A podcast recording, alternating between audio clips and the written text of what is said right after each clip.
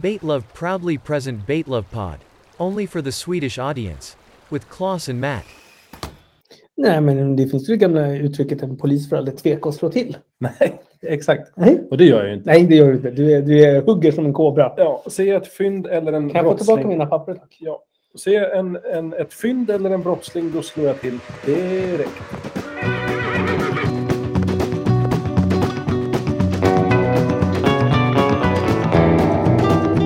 Jag har fan notering om Harry Brandelius här. Underbart. Det är jättebra. Har du spisat in det på honom nu? Jag Nej. börjar ju varje morgon med Gamla Nordsjön. Ja. Och sen så kör jag Ljungman Jansson. Ja, Och sen sätter spellistan igång. det är fantastiskt. Alltså man säger, det, det är som på nytt födelse på morgonen. Du Jag, känner jag, dig- tror, jag tror faktiskt att många ute i det här långa landet har faktiskt fått en revival på Harry Brandelius. Ja, man ser att det pikar lite på trending Spotify-lists. Harry Brandelius kommer upp efter eh, A36 och... Men grejen var att jag har, jag har ju faktiskt kontakt med utvecklarna på Spotify. Och de har ju faktiskt hintat lite om att det, det, det blev en liten touch i kurvan där. Exakt, exakt. Det är Grecasso och de här grabbarna och eh, sjunger om förorten och sen är det Harry Brandelius. Våran Harry B. Harry B.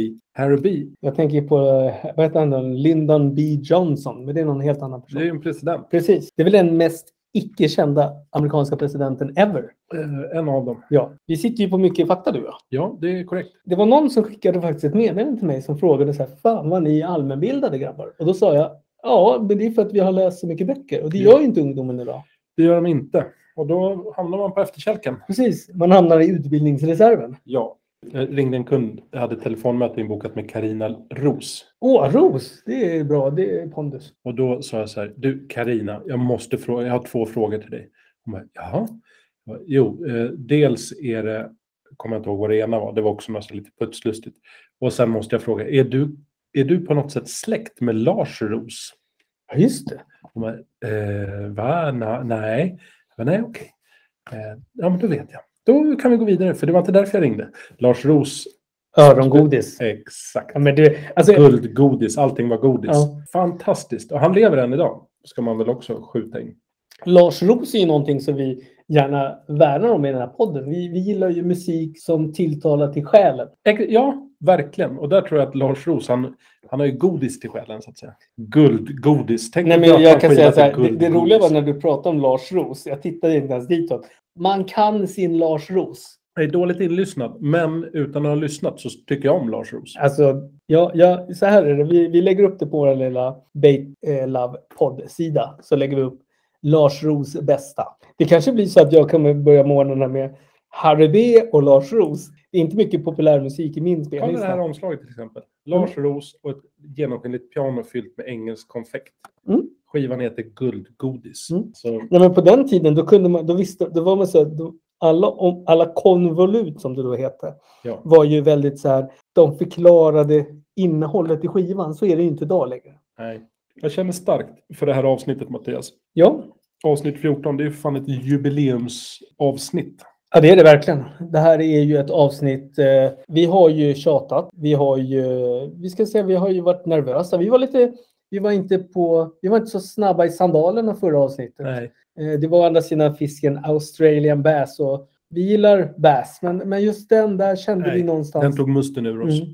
Ja, men den var, det var en svår fisk. Men Och jag, det, är ju, det, det, där, det är ju så här nämligen när du har eh, din piga på besök. Ja. Då går ju hon, eh, hon går i pigegången och sen går hon in i skafferiet och så tillreder hon si- din ris alla malte och ditt dillkött med ris. nej, det- det sistnämnda, nej. Men ris alla Malta, det är ju fantastiskt. Du blir tyst.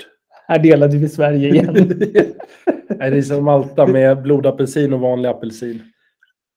Det beror på. Vad är det för veckodag? ja, jag gillar ju, vi kan ta drängtorsdag. Eh, då skulle jag nog säga en smörgås. Kanske med kaviar. Så fort som Men möjligt. vadå, äter du inte frukost gubbe? Eh, oftast inte. För att, Då kan jag sova lite, lite längre. ja du är sån där. Och morgonen med barn, då är det oftast fokus på typ att de ska äta och att de ska klä på sig och att, ja, sånt. Det här är ju nämligen ett jubileumsavsnitt. Just det. 14. Just det. Så nästa gång så du får sova över hos mig så ska du få testa mina rutiner. Är det här tvingande eller är det valfritt? Eh, Det det är bindande, juridiskt bindande. Fan, ja, det där var spännande. Såvida det vi pratade om innan, om det inte är för Sveriges rikes säkerhet. Då kommer du undan. Ja, det kan vara att jag slänger in Sveriges rikes säkerhet brasklappen. Vi får se. Nej, men det låter jättemysigt. För då går vi upp klockan fem. Krispig havregrynsgröt som man kan bita i som en knäckemacka. Ja, och Låter en jättegott. touch mjölk. Ja. Och så går vi upp klockan fem. Vi går ut med hunden. Ja, Eh, sen går vi till gymmet. just det. Sen kommer vi tillbaka. Ja. Och så äter vi lite frukost till. Aha, vad Det blir det? måste man göra efteråt. Lite banan typ. Nej, men då käkar vi havregrynsgröt Samma igen. sak igen. Ja, samma sak igen. Åh, vad gott. Ja, Och sen så är det lunch. Vilken, to- vilken tid? eh, 12.00. 12.00. Och då, Då kan blir det det- vara lite... Då blir det en halv kycklingfilé, det blir ris, broccoli och så blir det... Ja, där kan det bli lite blandade grönsaker. Just det. Ja, vad gott. Låter ju jättespännande. Och sen är klockan ett. Vad händer då? Eh, Då är det tömning. Nej, Nej, nej, nej, nej. jag vet inte. Då tar man en liten sovvila på en kvart. Herregud, vad gammal du låter. Ja. Men du gillar rutiner, så kan vi säga. Men du, Claes. Ja, Det här är ju jubileumsavsnitt. ja visst är det sjukt. Ja, är det någonting du vill säga? För du har ju faktiskt... ja, men Du, du har ju varit lite spänstig, du har varit nervig, du har känt som att du är liksom där lilla barnet på julafton. Vad är det som är så viktigt med det här? För jag vill ju ha avsnitt 21 pratade jag om som Ja. jubileum, men du sa 14. Ja, Och jag är ju en vän av lag så att jag eh, fogar mig. ja helt klart. Varför är 14 viktigt? 14 är i poddvärlden Mm. eh, det viktigaste avsnittet av alla. Det är det. Oavsett- Ja, det, har, det, har, det är vida känt. Det är så. Eh, Så att man brukar fira det i normalt sett i tre dagar. Nu kommer vi att f- förlänga, lägga den här 14 avsnittsfirandet vid ett senare tillfälle. Mm, mm. eh, som kommer bli officiellt känt framöver kan man säga. Ja, för Island, de har, ju, de har ju väldigt långa ceremonier när det gäller avsnitt 14. Ja, ja, gud ja, gud ja. Det är ju som natt och dag. Tre dagar i Sverige för podd avsnitt 14 kontra Island. Mm. Oj. Nej, men för de har ju ett helt annat banksystem och ett rättsväsen än vad vi har här. Ja, gud ja. Det är väl typ som att man gifter sig i kyrkan i Sverige. Mm. Nu kan man gifta sig lite var som helst, men lite den seden kan man säga. Precis, för det, nu pratar vi inte borgerligt, utan nu pratar vi att det ska vara rätt och riktigt. Ja, eller att man kan säga att så här, gemene man gifter sig oftast i kyrkan. Mm, Sen kan man mm. göra på andra sätt också. Men i, på Island, 14 avsnittet, spelar man alltid in på, kring, eh, inte i, men kring Vatnajökull. Mm.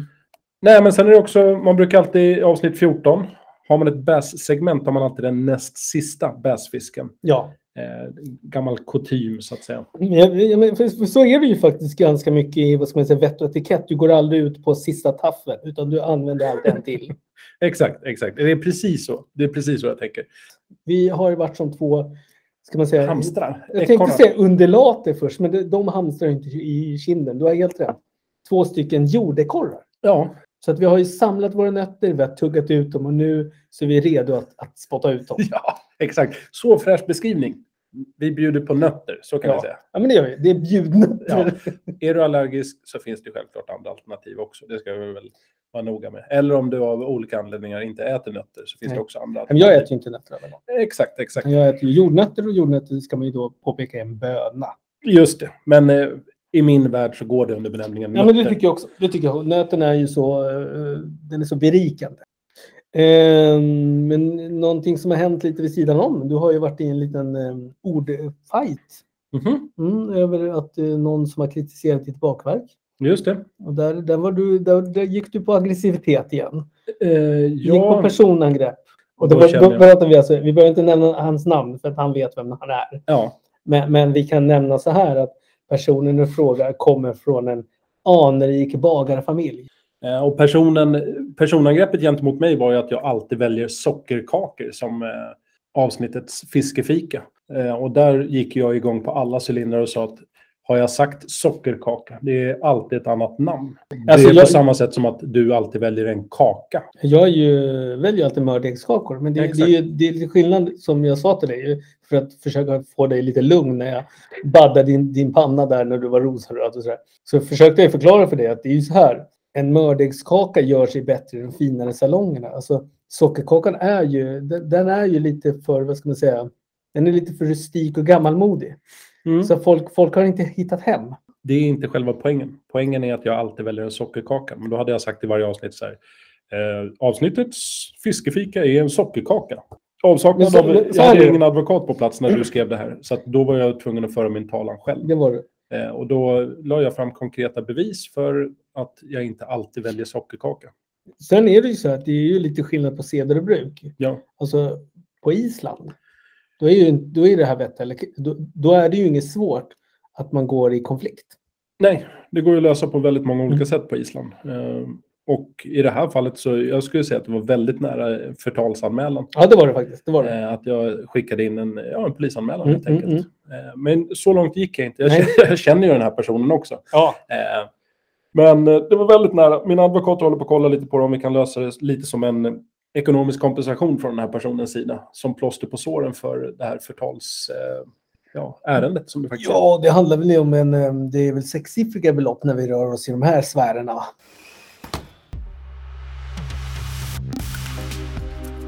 Vi har någonting att meddela. Det är fantastiskt. Ja. Om man säger så här, det är lite som att vi har klivit in i grottan. Vi har satt på oss eh, pannlampan. Vi har grävt, vi har hackat. Och nu har vi plockat ut den.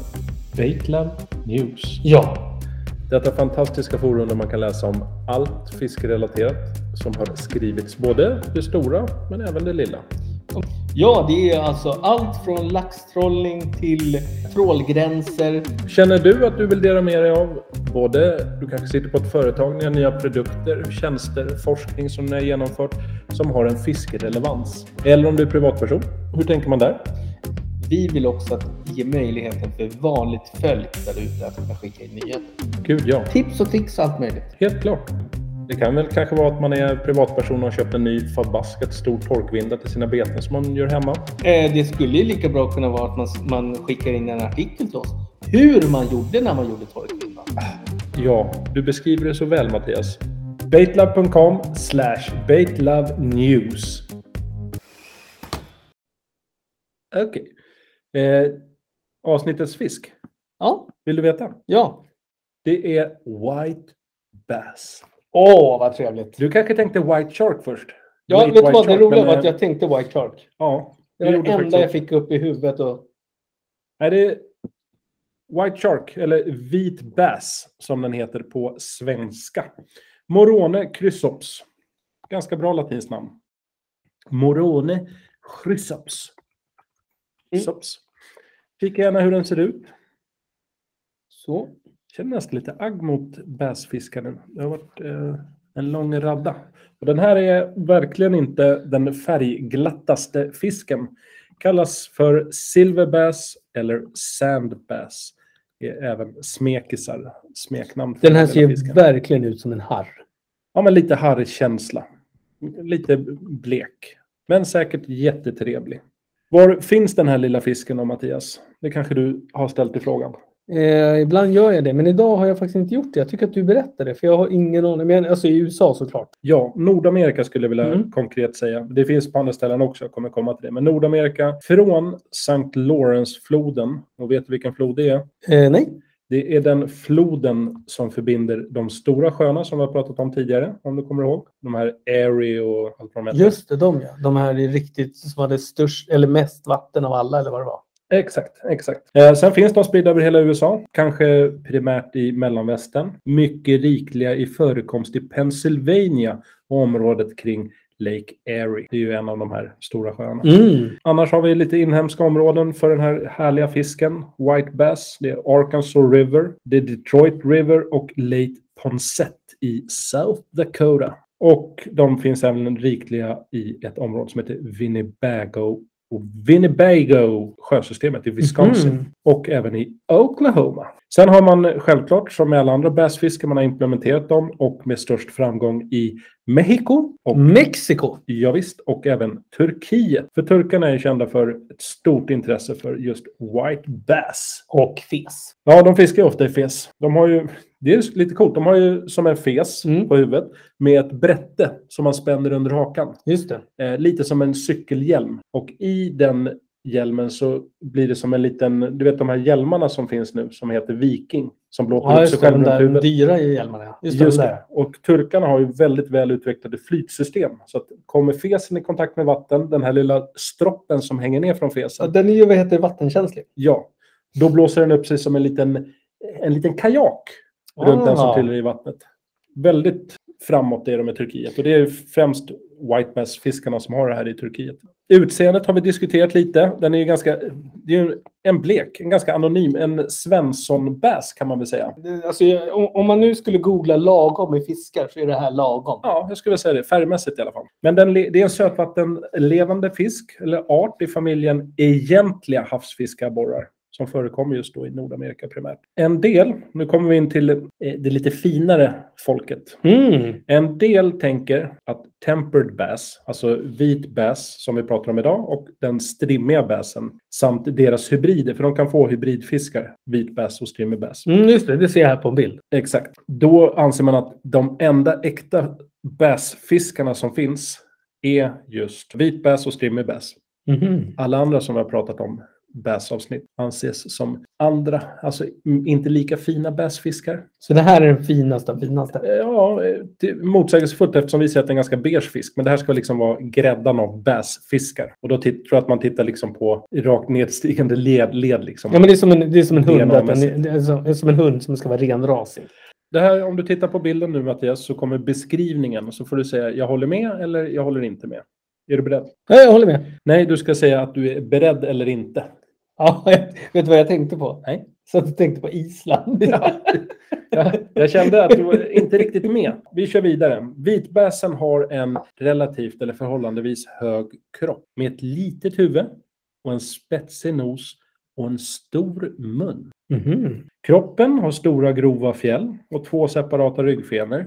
Den första ryggfenan har enbart nio taggstrålar. Och vilka var de här taggstrålarna? Jo, det är de som man säger aj om man sticker sig på dem. Den andra fenan har en taggstråle, men 13 till 15 mjukstrålar. Ja, just det. Det är bakfenan där. Exakt. Ryggen, det är väl som alla beskrivningar på fiskarna här, det är inte alltid färgen stämmer överens, men är lite blågrå. Sidorna brukar vara silverfärgade med 6 till 10 bruna längsgående strimmor. Och så är buken vit. Ja, det stämmer. Jag har räknat sex. Huvudet är någonstans mellan silvervitt och ljusgrönt. Bröst och bukfenor är vita och kan vara genomskinliga också. Och övriga fenor på fisken är mörka. Vanlig storlek, typ som en linjal, 25 till 30 centimeter. Lyssna nu så kommer rekordfisken, eller rekordstorleken för vitbäs, som fångats på fiskespö, det är Mm. ganska viktigt, Mm.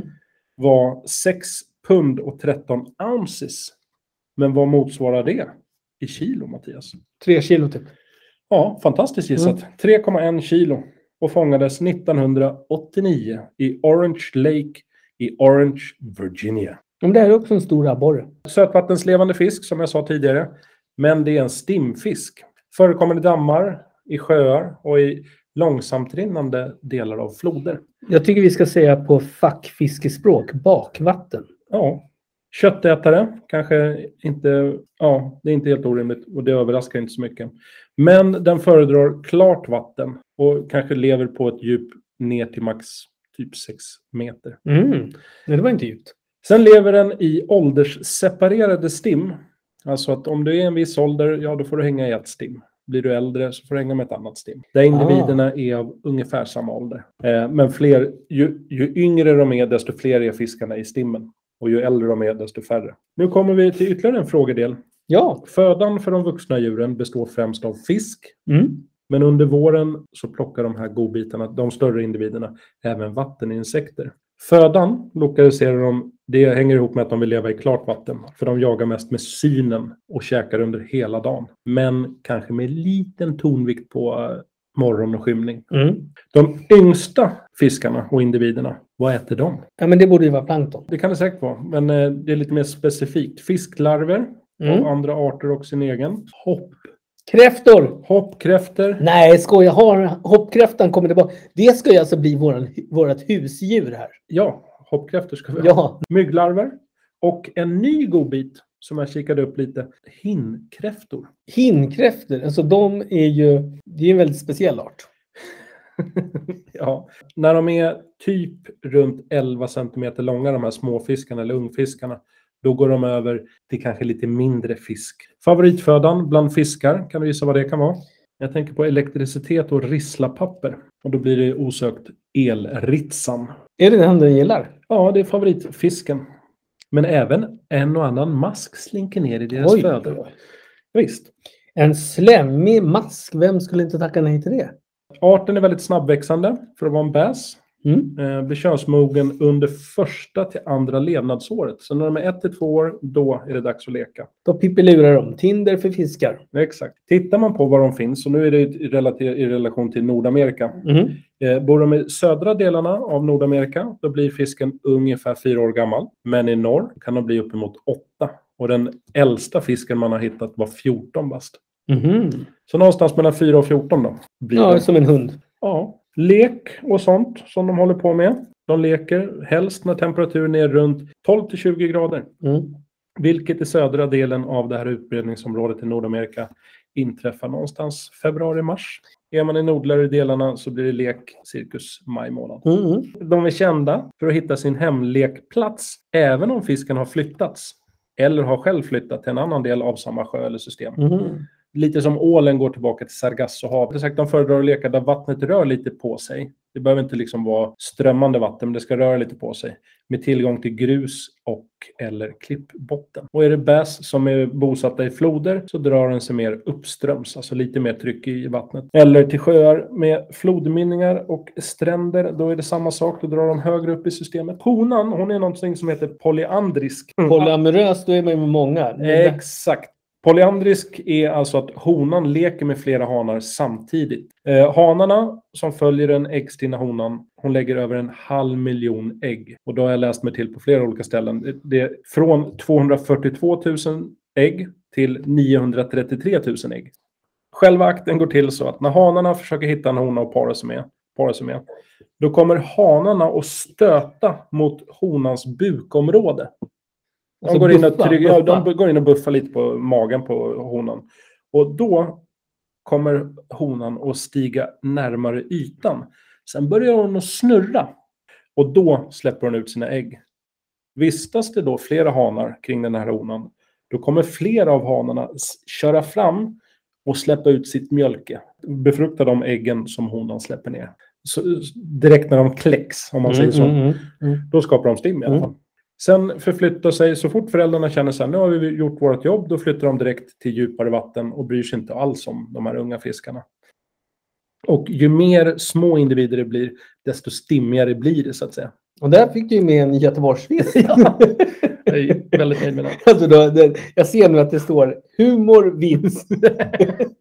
Eh, Ja, exakt. Och då sätter jag en bock där. Och så eh, skratt, publik. Ja, exakt, exakt. Jag tar med det här för att jag har tagit det på de andra. Det finns ju den här Just det, statusen. Exakt. Internationella naturvårdsunionen, IUCN, sätter ju, de sätter den här godbiten, den kallas för livskraftig på svenska, eller LC på engelska, men LC står för least concern. Alltså den, man behöver inte bry sig så mycket. Den är, popul- populationen är stabil helt enkelt. Inga hot finns egentligen angivna mot Mm. den här arten. Så är det typ samma arsenal som man har till andra bäsfiskar som Mm. verkar funka. Japp. Bara att det kanske är lite lättare grejer. Ja, det är en mindre fisk. abborrprylar. Ja, men det här är verkligen abborrprylar. Och de som fiskar white bass och säger att det här är den, den enda äkta bassen, där vi snackade om. Mm. Eh, För arten är ju, som man kanske förstår när det är en bass, det är en populär sportfisk. Kul kuriosa, den är delstatsfisk i Oklahoma. Det var allt om eh, vit bass för den här gången. Mattias, Ja, jag sitter och suktar efter vad du har valt för avsnittets bete. jag eh, är ju gammalmodig. Jag är ju, jag är ju snart 50. Så när man är 50 år, då får man bekänna sina synder, Claes. Jaha. Och då får man alltså gå i barndom. Och vad fiskade du med när du var barn? Eh, Mörrumspinnaren. Och sen? fiskade jag med, jag vet var du vill komma, så jag kommer att förhala det här. Eh, små jiggar. Ja, du behöver inte gå igenom hela beteslådan. Det kommer jag göra. Nej, jag fiskade med skeddrag. Absolut. Åh! Och då tänker jag på ett skeddrag. Skeddragarnas skeddrag av Ola Lörs The Reckless Spoon. Sjukt coolt bete. Alltså det är så coolt så att jag, vi fick ju det. Han skickade ju det till oss. Ja, Eh, och då så fick vi det till en eh, mässa vi var med på, på Sportfiskmässan. Ja. Så fick vi varsitt exemplar av den där. Och när man ser dem på bild, för er som surfar in då så kan ni antingen gå in på Baitlove Bait Builders eller så söker ni bara på showroom där. Så söker ni antingen på Ola Lörs eller Reckless Spoon. Och när man ser den så tycker man inte att den ser så stor ut. Den är större än man Den tänker sig. är väldigt stor. Eh, och det är ju gummikropp Exakt. wire-lösning i sig, eller vad skjuts- skjutsingen det är. Den väger 100 gram, bara det säger ju något. Ja, Och den är 32 centimeter med tail. Ja, och här vill jag faktiskt flika in. Med tailen tar ju sin lilla plats. Mm. Den är ju större än vad man är van vid. Men det finns ju, om man går in i en sportfiskebutik, så finns det ju stora sked, skeddrag att Mm. köpa. Men de är oftast så lätta. Ja, Så när man flärpar iväg de här större skeddragen så tar vinden dem. De är ganska svåra att placera där man vill ha dem. Den här har ju pondus. den har tyngd. Den fl- flyger inte som ett klassiskt skeddrag kan jag tycka. Den har lite mer, så här, lite mer precision för att vara ett så jävla stort bete som det är och ett skeddrag. En ganska köttig kropp. Ja, sen har den en väldigt rolig detalj som man inte vet om förrän man själv har hållit i handen. Det är att den har en liten pärla mellan kropp och svans som är alltså formad som en dödskalle. Just det. Ola är ju, hade ju väldigt eh, Kreativ. Han är kreativ men han är också väldigt duktig på detaljerna. Exakt. Ola Rasmusson, fantastiskt bete som du har gjort. Jag tror att det här ska faktiskt fiskas nu i under den här säsongen. Tack så mycket för The Reckless Spoon. Gå gärna in på Baitlove och eh, titta under Bait Builder och så kan du se fler av Olas kreativa verk. Så, tillbaka kaka. Min unga herre, Åh, herregud. min eh, vad heter det, mameluckdansande vän. Ja, hej, här sitter jag. Vad har du för bete? Jag tänker inte förhala det här längre. Jag kommer dra plåstret med en gång och berätta att jag har valt ett tailbete. Nu ska jag berätta en rolig sak idag. Ja, Vi har ju nämligen så att vi ser ju det mesta som händer på sajten. Ja. Och så undrar jag, vem fan är det som surfar in på Bobby? det är jag. Jag har varit inne och kollat några gånger. ja, det, då är det du, för den här har flaggat för mig. Ja. Mm, Mm. B- Bobby trendar. Och Ja, det, det var roliga var att jag såg, jag såg på sajten, jag bara, fan, vem, vem- vem fan är det som klickar ut och in på Bobby? Det är jag det. Eh, Bobby är ett litet eh, tailbete som är gjort av Beaver Baits. Åh, han, han gillar vi. Han gillar vi. Tony. Ja. Tony, jag vet inte hur han vill att vi ska uttala hans Nej, och det är efternamn. det jag menar, det är därför jag gillar honom, för det där är så jäkla respekt hans namn. Seigel Jarl. Första gången så läste jag det bara så här, Tony Seigel Junior av någon jäkla Ja, det anledning. gjorde jag med faktiskt. eh, Tony Seigel Junior, eller så heter han To- Tony Sagle Jarl. Han håller i alla fall till i Östergötland, i Ja. Motala, där han sitter på kammaren och gör trevliga beten. Ett av dem heter Bobby, där kroppen är 8 centimeter lång. Och där vikten är 95 gram, så att det är ändå ganska punchigt bete viktmässigt. 95 gram och jag gissar, utan att ha hållit det här i min hand, att 8 centimeter är själva kroppen. Jag har svårt att se att det är kropp och tail, för det ser ut som det sitter en big tail på den här. En sonk big Mm, ja, det gör det gör det faktiskt. eller motsvarande. Hemmagjort kan det också vara. Nej, det Det där ser är ut som en- väldigt sonkertailigt. Ja. Och det, är Eh, inget, alltså det, det här är någonting som jag tror vi ska säga. Det, det är inget fel att ta alltså, märkestillverkade tailar. Ja, det står ju till och med svart sonke big Ja. tail, så att det var helt rätt. Ett ganska, i mina ögon, enkelt bete. Långsmalt. Ser ut som en liten prinskorv, ett lillfinger. En liten prins med skinn. Ja, men älskar den här typen av beten. Mm. Mm. Eh, Men Tony, vi eller jag älskar Bobby. Jag är nyfiken på varför det heter just Bobby. Beaver Bates. Beaver Bates och Ola Lörs. Avsnittets fiskefika. Denna mastodontpunkt. Alltså det här är ju punkternas punkt. Ja, Alltså det finns ju två anledningar varför vi ens driver den här podden. Det är fiskefika. ja. Då tänker man ju direkt på vad har du tagit för fiskefika? Du ska få en rebus. Åh, äntligen. Okej. Jag är beredd. Jag är beredd. Alltså den, den här, det här är en bra rebus. Jag har, jag, har alltså, jag har suttit nu i två veckor och snidat på den här även. Kör, kör, kör, kör. Tänk gult. Jag tänker gult. Du tänker modern av citrus. Det är apelsinen. Citronen. Citron, håll citron i minnet. Ja, citron. Lägg citron på hyllan. Ja, Kom ihåg. Ja. Och sen tänker du liten bil, ja. gammal Peugeot ja. från 1920-talet. Okej. Utan tak. Ja. Vad har den då? På ett finare franskt ord. Convertibel. Nej, vad har den? Ja. Nej, det, det, nej men vad heter den? Finare ord. Den heter su... Soufflé. Nej, Citronsufflé-bakelse? nej. Nej. Suff- Sufflett. Sufflett. Just det. Vad rimmar sufflett på? Pamflett. Nästan. Pam... Citron...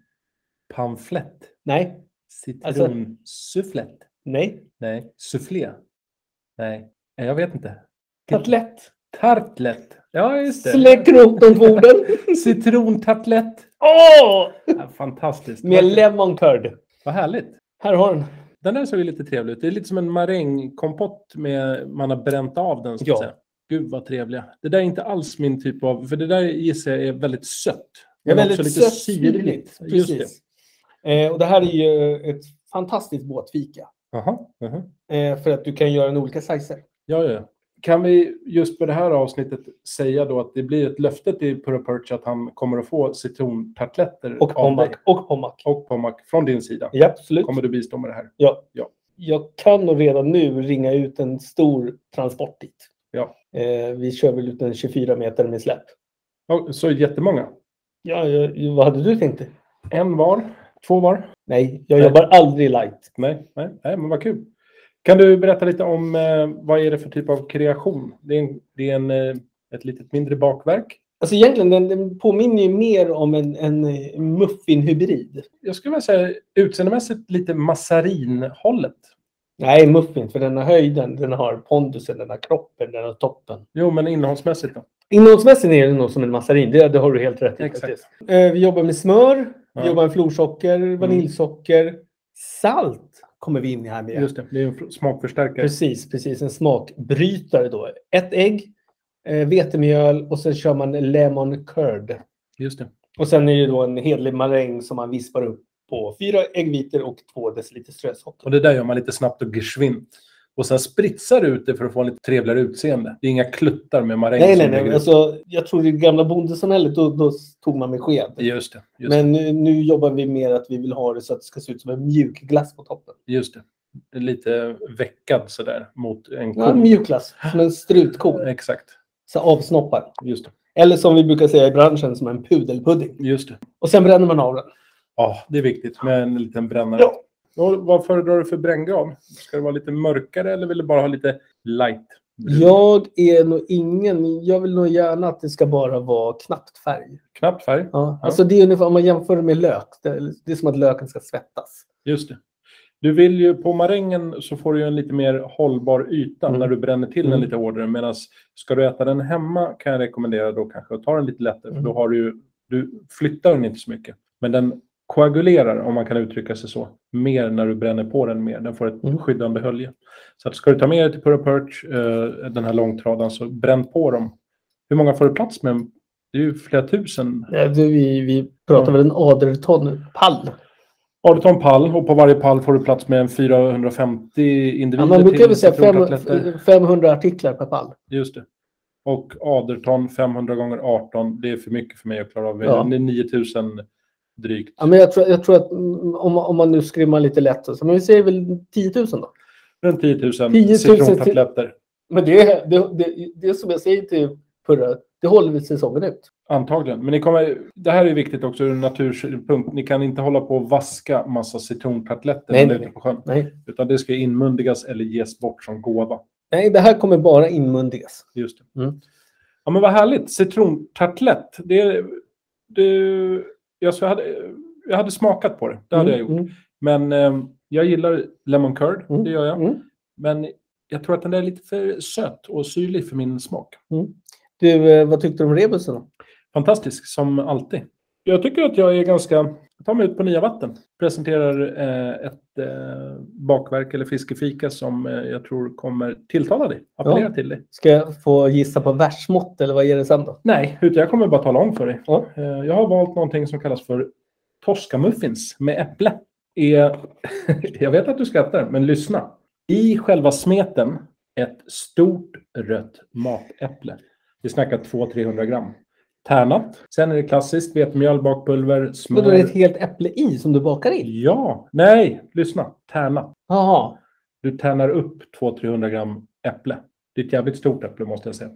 Och sen ovanpå det ska det för- fördelas toskasmet. Och då snackar vi socker, sirap, vetemjöl, mjölk och skållad hackad mandel. Ja, men vi får se hur den ser ut då. Ja, det ser ut så här. Så det blir som en liten muffins, men i muffinsen så är det äpplen. Och sen har du ett Tosca crust ovanpå. Jaha, sådär ja. Där har du flera bakverk i ett. Man har ju tagit det göttigaste av allt. Exakt, fast det går inte ut. Toskan skulle jag vilja säga, den är ju lite söt, men den är också lite så här kolatoner. Den är lite Ja. bränd. Mm. Sen har du äpplet, sötman.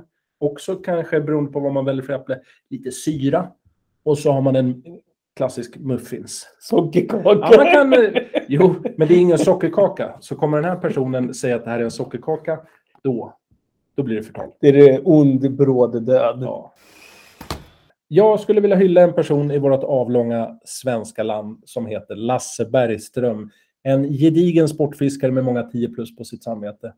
Och jag vill hylla honom för att dag ett han var ute och fiskade på ett ej namngivet vatten så dunkade han ett nytt PB på 16,15 kilo och 120 centimeter.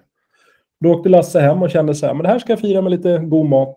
Dagen efter åker han ut och fiskar igen, får ett nytt PB eh, på helt sanslösa vikten 17,28 kilo och 125 centimeter. Båda tog han på Westin Shadtees 27 centimeter i färgen Headlight. Jag äger det betet och inte fan, fanken har Men jag det fått. där äger jag också. Jag har inte fått någon 17,28, jag har inte fått någon 16,15. Men det är ju inte mig vi ska hylla, utan Lasse Bergström, hatten av. Och även sydvästen som jag har i väskan.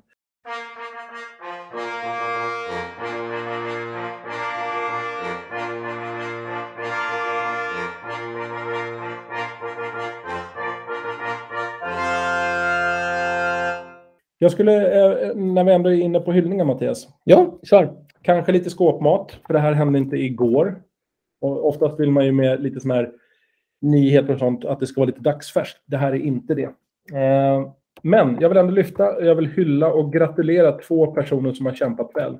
Så det gör jag med en liten rebus till dig Mattias. Ja, kör. Är du redo? Ja, jag är redo. Rebusen lyder så här. 1986 kom det en film där elever leker runt i USAs flotta och flyger F-14 Tomcat. Ja, och det är då to- Top Gun. Exakt. Filmen heter Top Gun, Top Gun och huvudpersonen i den filmen var kanske främst en kille som hette Maverick. som spelades av Tom Cruise. Tom Cruise. Tom Cruise som för övrigt äger ett kryssningsfartyg eller ett cruise ship som man säger på engelska. Eller Yacht. Exakt, fast yacht är ju till en viss storlek. Sen blir det inte en yacht, sen blir det ett cruise ship. På engelska alltså. Mm, mm. Han har en svensk väldigt nära släkting som bor i Sverige, just för att han är svensk och bor här. Vem då? Vilka är det vi ska hylla? Ingen aning. Ingen aning. Anders Cruz.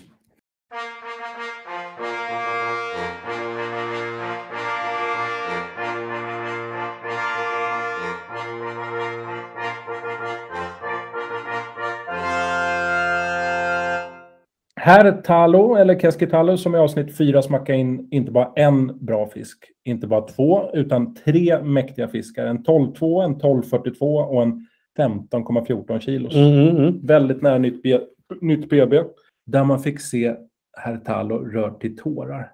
Alltså märkbart röd av stunden. Mm. Sånt gillar jag. Så jag vill inte bara hylla dig Christian för en mäktig fiskedag. Eh, men det visar också att man kan vara lite sårbar. Men jag hyllar även Anders Krus för att han är också en skicklig sportfiskare och var med och fick uppleva hela den här härliga känslan som det måste ha varit. För jag har inte fått uppleva tre sådana där bra fiskar på en och samma dag. Vi har ju fiskat med Anders, du och jag, i Rügen. I know, I know. Och sen har jag ytterligare en sak som jag vill diskutera med dig, Japp. nämligen krokar. Ja. Jag har sett att Brunnberg, bland annat, Jaha. till exempel, han säljer Daiwa DT 4600, 1-0 och 2-0. Eh, jag har själv kört med Eagle Claw, Mm. som man käkar på Lundgrens. Det köpte jag väldigt mycket förr. Och på senare tid kanske jag har besökt Söders eller andra ställen och Mm. köpt massa Gamakatsu, TR13B, eh, även Owner-krokar. Mm. ST, 36 BC eller Mm, något mm. liknande. Men det finns ju en hel drös med andra trekrokar. VMC, Mm. vad kör du för krok? Eh, Jag vet inte ens vad jag har på mina. Jag tror, jag tror faktiskt jag köpte, precis som du, en blandning av VMC och Eagle Claw. Jättemånga. Och sen liksom har jag... Jag har, jag har ju liksom... Jag bulkade upp för massa år sedan. fruktansvärt mycket. Då hade de på Söder, man kunde köpa påsvis. Ja. Så jag tror inte jag behöver byta, byta krokar på bra längre. Byskt med krok. Ja. Ja. för det är lite dit jag vill komma. Svartronker, han har ju sina Pro Horizon. Ja. Som De har är, jag inte ens provat. Jag har inte ens provat. Nej, inte jag heller. Sen har ett märke som heter BKK. Mm. Känner du till dem? Ja.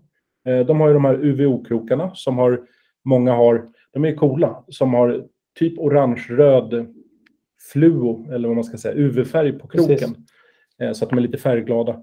Eh, Sen läste jag på lite om BKK.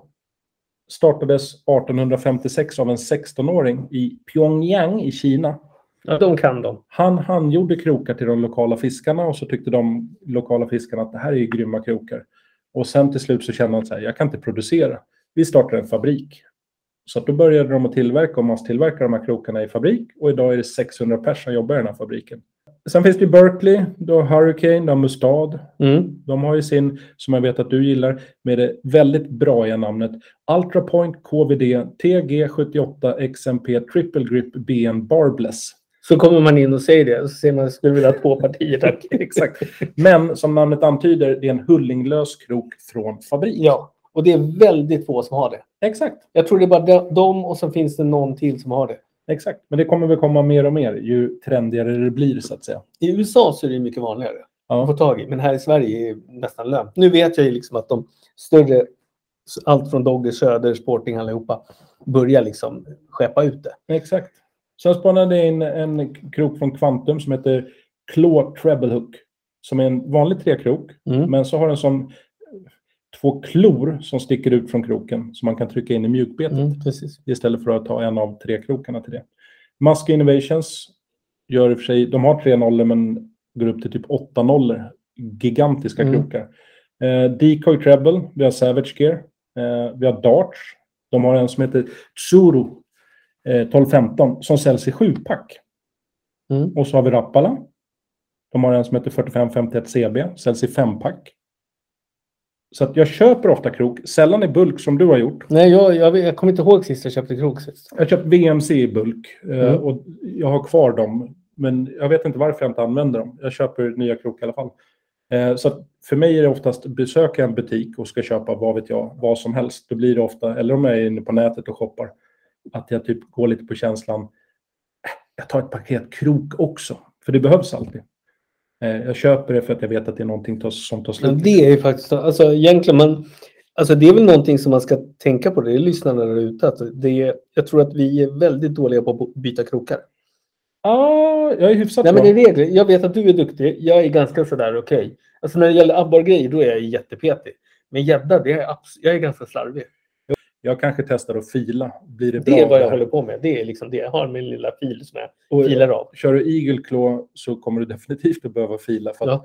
de blir rostiga och tappar ganska fort. Alltså kvalitetsmässigt vet jag, tycker jag de är ganska dåliga. Nej, men man får vad man betalar Mm. för. Betalar man lite pengar så får man en krok. Men den, jag tycker att den har bra krokningsegenskaper som jag uppskattar. Men det jag skulle komma till är att egentligen är jag ingen materialare när det kommer till krok. Jag har ingen sån här måste-krok. Men har du som lyssnar en go-to-krok, då måste du höra av dig och förklara varför har du valt just den kroken och inte bara den är vass.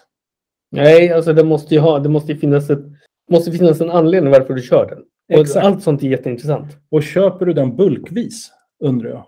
För vissa krokar kostar ju skjortan. Och köper du tusen krok, då blir det ju väldigt många skjortor som man får betala. Mm. Eh, Men jag är lite nyfiken, så att, har du som lyssnar en go-to-krok, hör av dig. Krok är viktigt. Eh, En annan fråga som det här väcker, och det var lite därför jag sa att Rappala och Darts, det var Darts, eh, Tsuruk trekrok, som säljs i sjupack och fempack, Rappala och Darts. Mm. Varför paketerar man krok i fem och sjupack? Det är en- lika dumt som varför liksom varmkorv kommer med ojämnt mot brödet. Ja, om Alltså, man det, köper man blir, kit. kit. Ja, man köper kit. Så är det så här, ja, men, men liksom, vem vill äta korv utan bröd eller vem vill äta bröd utan korv? Exakt. Sen kan jag ju tänka så här, ibland krokar du en gädda så att man så här, okej, det är bättre att klippa den här kroken och så byter man en krok. Då fattar jag. Men oftast så sitter man ju hemma på kammaren och tänker, jag har köpt ett handgjort bete eller jag har köpt något på nätet begagnat. Då byter man ju, oftast får man hem det utan krok och då sätter man på oftast två krokar. Ja, det är alltid 2-2-2 som du behöver. Ja, inte alltid, men nästan till. Ja, men nästan, nästan. Exakt, och då byter man ju två. Så att det borde ju vara sex i den här förpackningen eller åtta, tänker jag. Ja. Istället för fem och sju. Eh, men min tanke där är, är det för att man ska just ha ojämnt antal så att man blir tvungen att köpa mer? Ja, det tror jag, det, det tror jag är helt Är det en vi vill sälja mer grej eller varför? Och där tänker jag om det är någon som lyssnar som kanske jobbar för ett företag som säljer fem eller sju pack och vet det här svaret. Väldigt viktigt. Mycket viktigt. Det är alltså för Islands befolkning som vi vill veta det här. Exakt. Jag har en annan sak att ta upp. Ja, Eh, Jag har ändå byggt beten, några beten genom åren, även om jag kanske inte är så aktiv just idag. Eh, Och där följer jag många forum och trådar och Facebookgrupper om just betesbyggeri och sådär. Och då har jag slagits av att en del nybörjare som precis börjar bygga beten eh, tror att man måste göra beten så att allt är perfekt. Alltså att man börjar Nej, jag vet, från jag vet. scratch till Alltså, typ, det är jag måste galet, vara ja. proffs från början. Eh, man har kanske sett lite för mycket videos på YouTube. Man har sett lite för många inlägg på Facebook i olika grupper.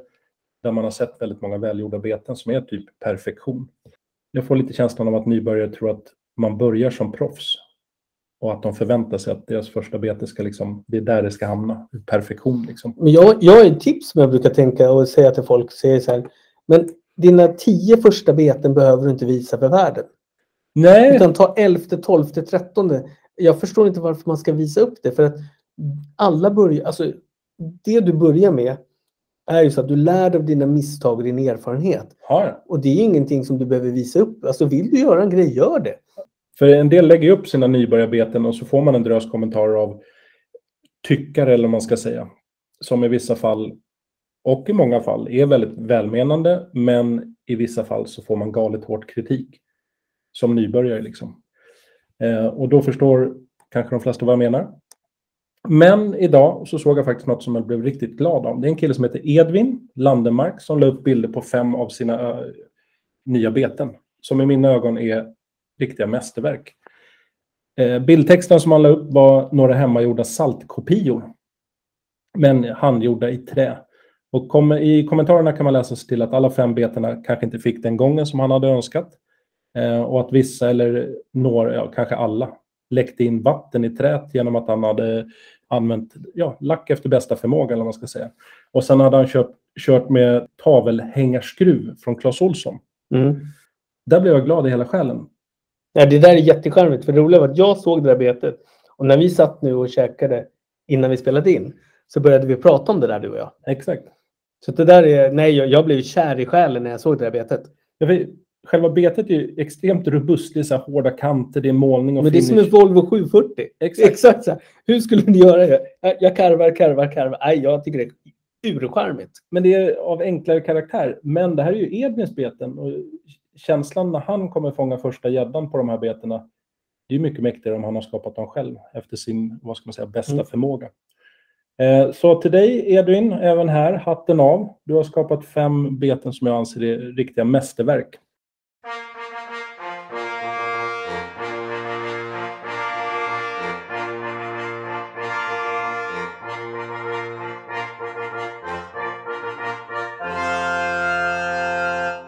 de verktyg han använder är ganska enkla. Det är inte så mycket fil. Han har använt sandpapper, han har kni, använt kniv för att tälja och väldigt enkelt. Färg, akrylfärg från Clas Ohlson och sprayfärg från Biltema.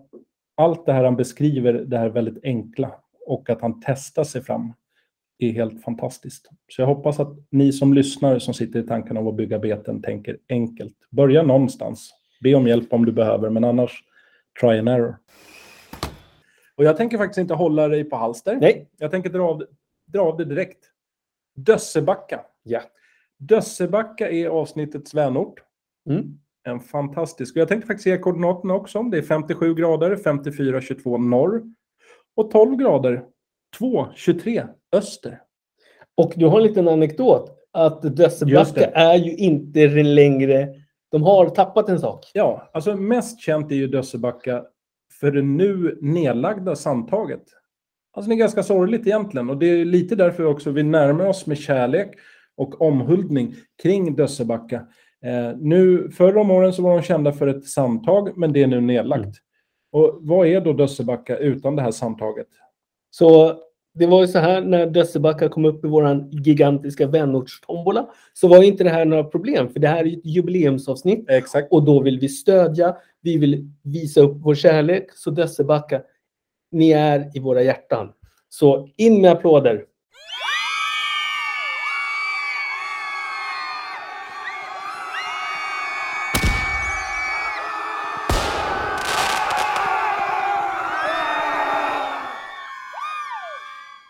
Tack så mycket. Ni är i våra hjärtan.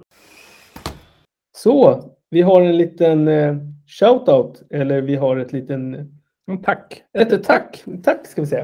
Eh, det är då Niklas på team Panikfishing, Jajamän. eller Panic Fishing, som eh, vi efterlyste ett CPV-bete, alltså ett tailbete som Claes pratade om. I tidigare avsnitt. Ja, förra, förra avsnittet. Exakt.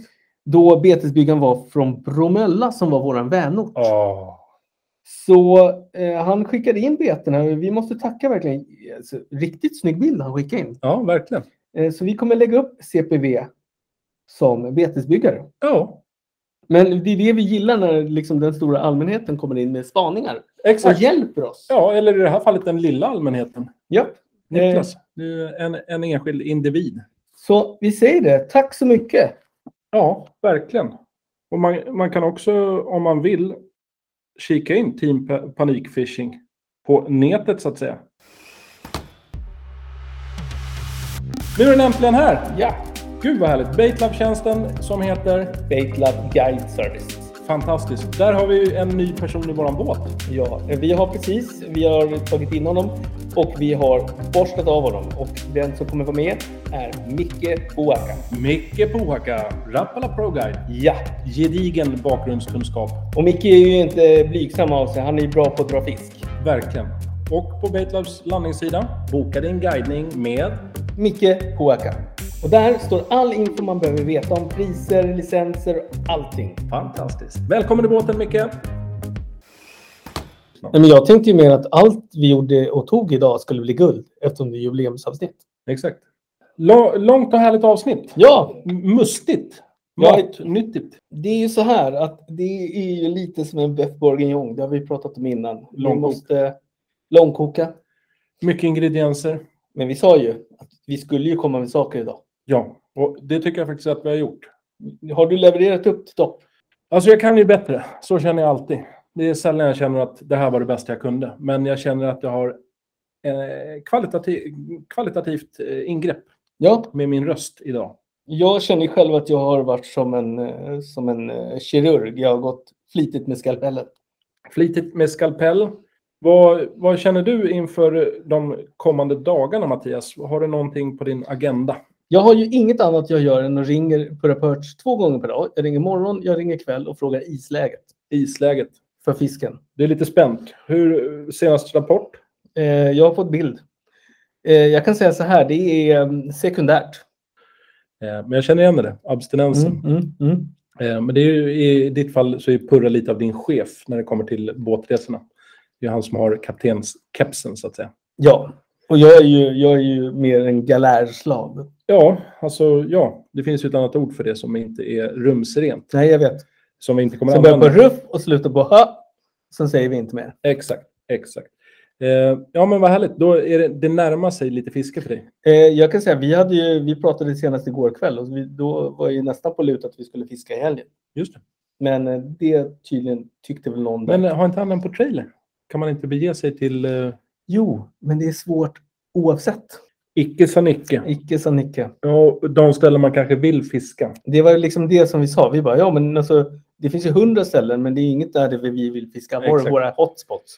Exakt. Och vi bara, ja men alltså åka båt är ju inget kul. Men du vet vad de säger, den som väntar på något gott. ja men om två veckor då sa jag, då hade Purra lovat mig. Han sa det. Just det. Även om det är is så kommer ni köra. Alltså jag kommer ju dra in hans ranson av atletter annars. Ja, nej, men då, då kommer det bli fiske. Alltså, Ja. jag kör ner den där ja. långtradaren i vattnet. Nu avslöjade vi också att det är Purra som är på gränsen till att bli åtalad för förtal. Ja, just det. Vi har ju ringt, vi, Sockerkocksförtal. ja, vi har ju ringt då, vad heter den, eh, kringelexperten och advokaten. Just det. Kringelikrokexperten. Precis. Men du Claes, Ja. eh, vad ska du göra de här närmaste dagarna? Eh, ja, du. Jag, har, jag ska ju städa garage om värmen kommer tillbaka. Mm. Det ska jag göra.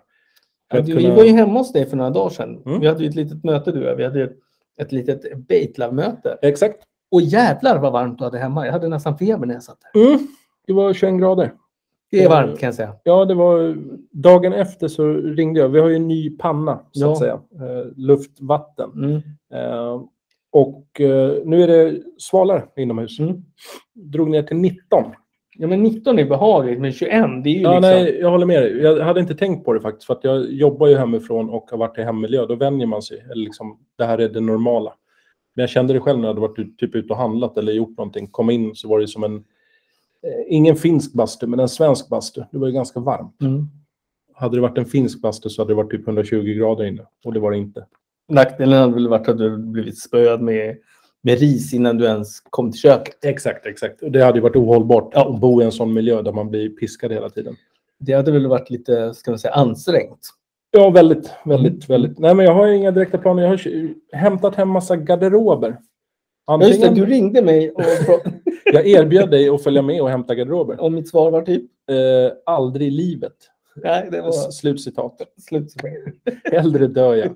Eh, nej, men det gick bra att hämta alldeles alena. Men eh, nu har vi samlat på oss massa garderober. Så antingen så ska de vara i sovrummet för att vi ska bygga in dem. Eller så ska jag ha dem i garaget. Och just garaget är någonting som ligger på min agenda. För att kan jag få garaget bra, då kan jag börja bygga beten och gjuta gummi. Och det blir ju alla i världen glada över. Ja, jag tror att jag ska vidga och göra lite fler formar så jag kan göra lite beten. Det- Annars är det bara välvalda, kärleksfulla personer som har fått Mm. TPF-jiggen som den heter. Men några har fått träbeten, annars har jag behållit alla själv och slängt in dem i både vass och ruff. Ja, men alltså Baitlove-logotypen, det är ju ditt bete. Eh, just det, Rape me. just det, just det. Det är helt korrekt. Eh, det gläder mig. Men du, Ja. ska vi ställa in filtertofflorna? ja, men jag tycker att vi gör det. Drar upp den här fåskinnspälsen lite högre mot hakan och sluter våra blå, höll jag på att säga. Men du har Ja. inte jätteblå, du har lite mer bruna ögon. Det Blåbruna är- kan vi säga. Nej, det är lite rådjursögon. Är det någon som har sagt det till dig på riktigt? Nej, jag sa det nu. Ja, nej, men du har jättevackra ögon Mattias, det har du verkligen.